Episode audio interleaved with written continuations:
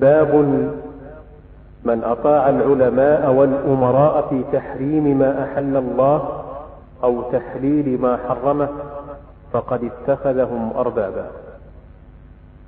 وقال ابن عباس يوشك أن تنزل عليكم حجارة من السماء.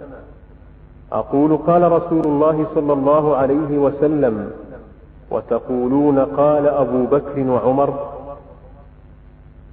وقال أحمد بن حنبل عجبت لقوم عرفوا الإسناد وصحته يذهبون إلى رأي سفيان.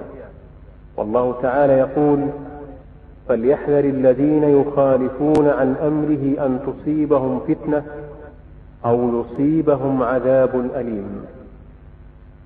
أتدري ما الفتنة؟ الفتنة الشرك.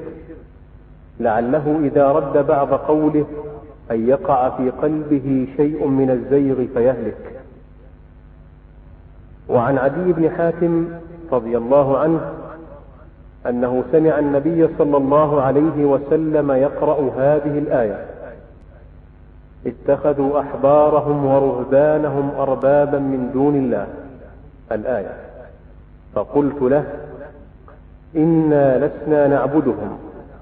قال أليس يحرمون ما أحل الله فتحرمونه؟ ويحلون ما حرم الله فتحلونه؟ فقلت بلى. قال فتلك عبادتهم.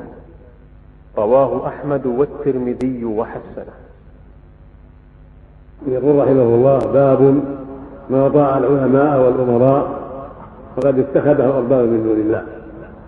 مرود مراد بهذه التربية رحمه الله تحقيق التوحيد واتباع الشريعة وتعظيم أمر الله ونهيه والحذر من تقليد الشيوخ والآراء بخلاف شرع الله.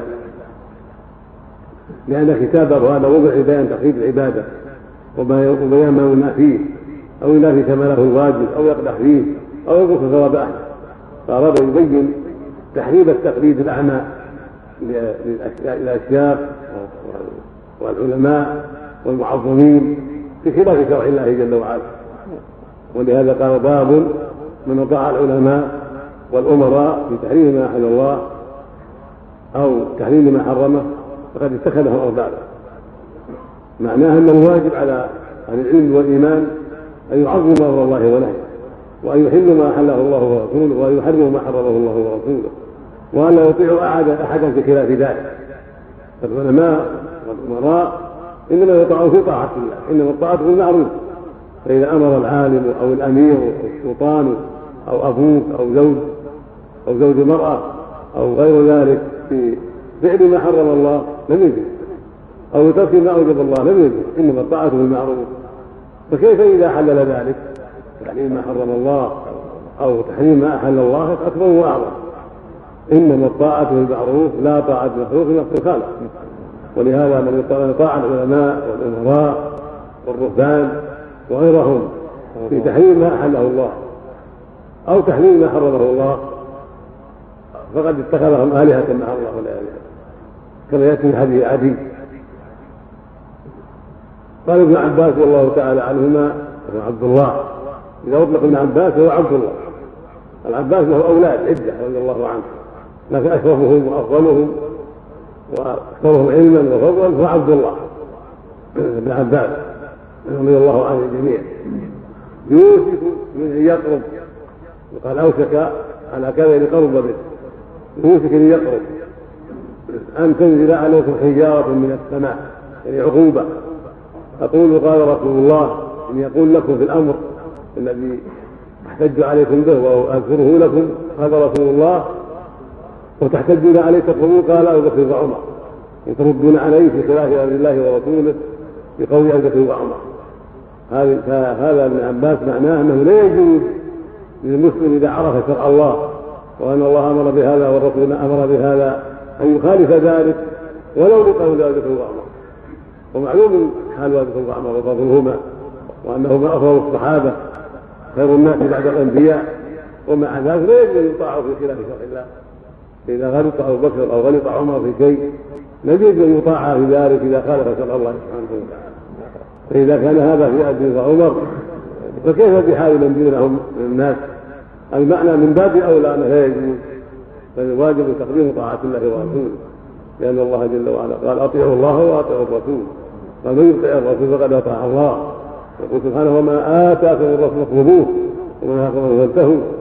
ويقول عز وجل فليحذر الذين يخالف امره ان تصيبهم فتنة أو يصيبهم عذاب عليم هذا من ابن عباس معناه الحث على اتباع الشريعة وعلى طاعة الله ورسوله وتعظيم أمر الله ورسوله والحذر من تعظيم الرجال حتى يخالف شرع الله من أجلهم.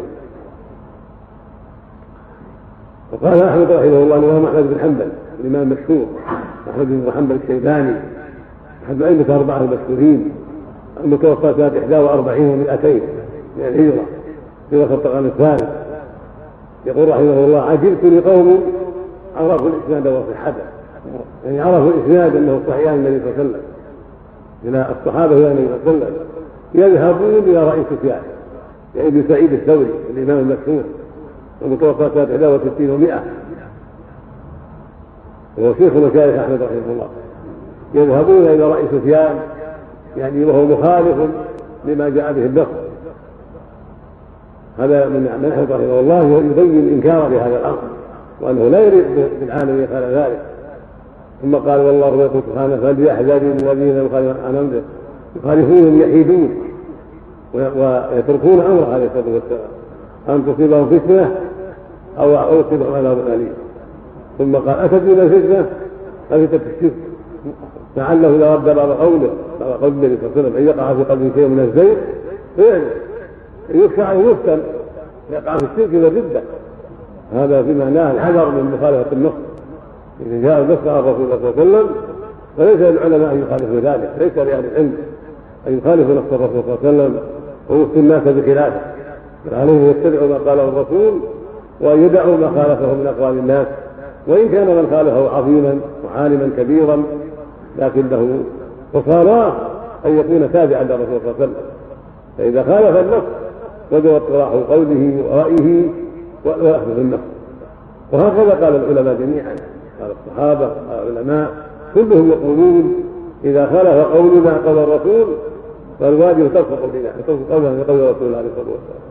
لأنهم يعلمون أن الرسول هو المتبع والمطاع والمشرع ومبلغ عن الله فليس لاحد أن يخالف أمره عليه الصلاة والسلام. بل يجب أن يطاع ويتبع فيما جاء.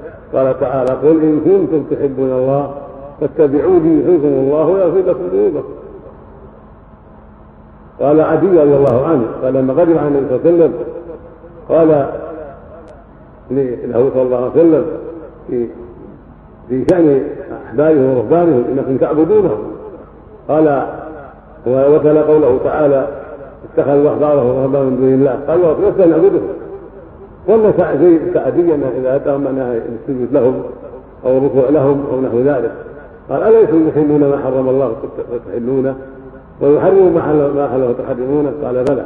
قال فتلك عبادته فالمعنى أن طاعة العلماء في تحريم الحلال وفي تحريم الحرام واعتقاد أن هذا جائز مع العلم بأنه خلاف شرع الله يكون عبادة الله.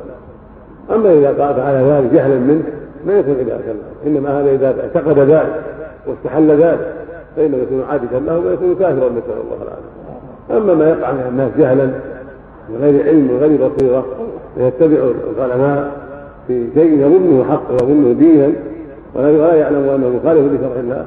هذا لا يكون من هذا الباب ولا يكون إذا سلهم لأن الإنسان يخطئه فيه قد يتبع عالما في شيء في الأسواق ويأخذ فتوى يعلم يظن أنها صواب أو يعتقد أنها صواب. فلا يدخل في هذا الوعيد إنما هذا الوعيد لمن استحل محارم الله بفتوى زوج وعم هذا هو الذي يدخل في هذا الوعيد ويكون عابدا لمن قلده في ذلك واتبعه في ذلك لأنه قدمه على شرع الله وهو يعلم وهو عامد ولهذا استحق هذا الوعيد نعوذ بالله. رزق الله الجميع التوفيق والهداية وصلى الله وسلم على محمد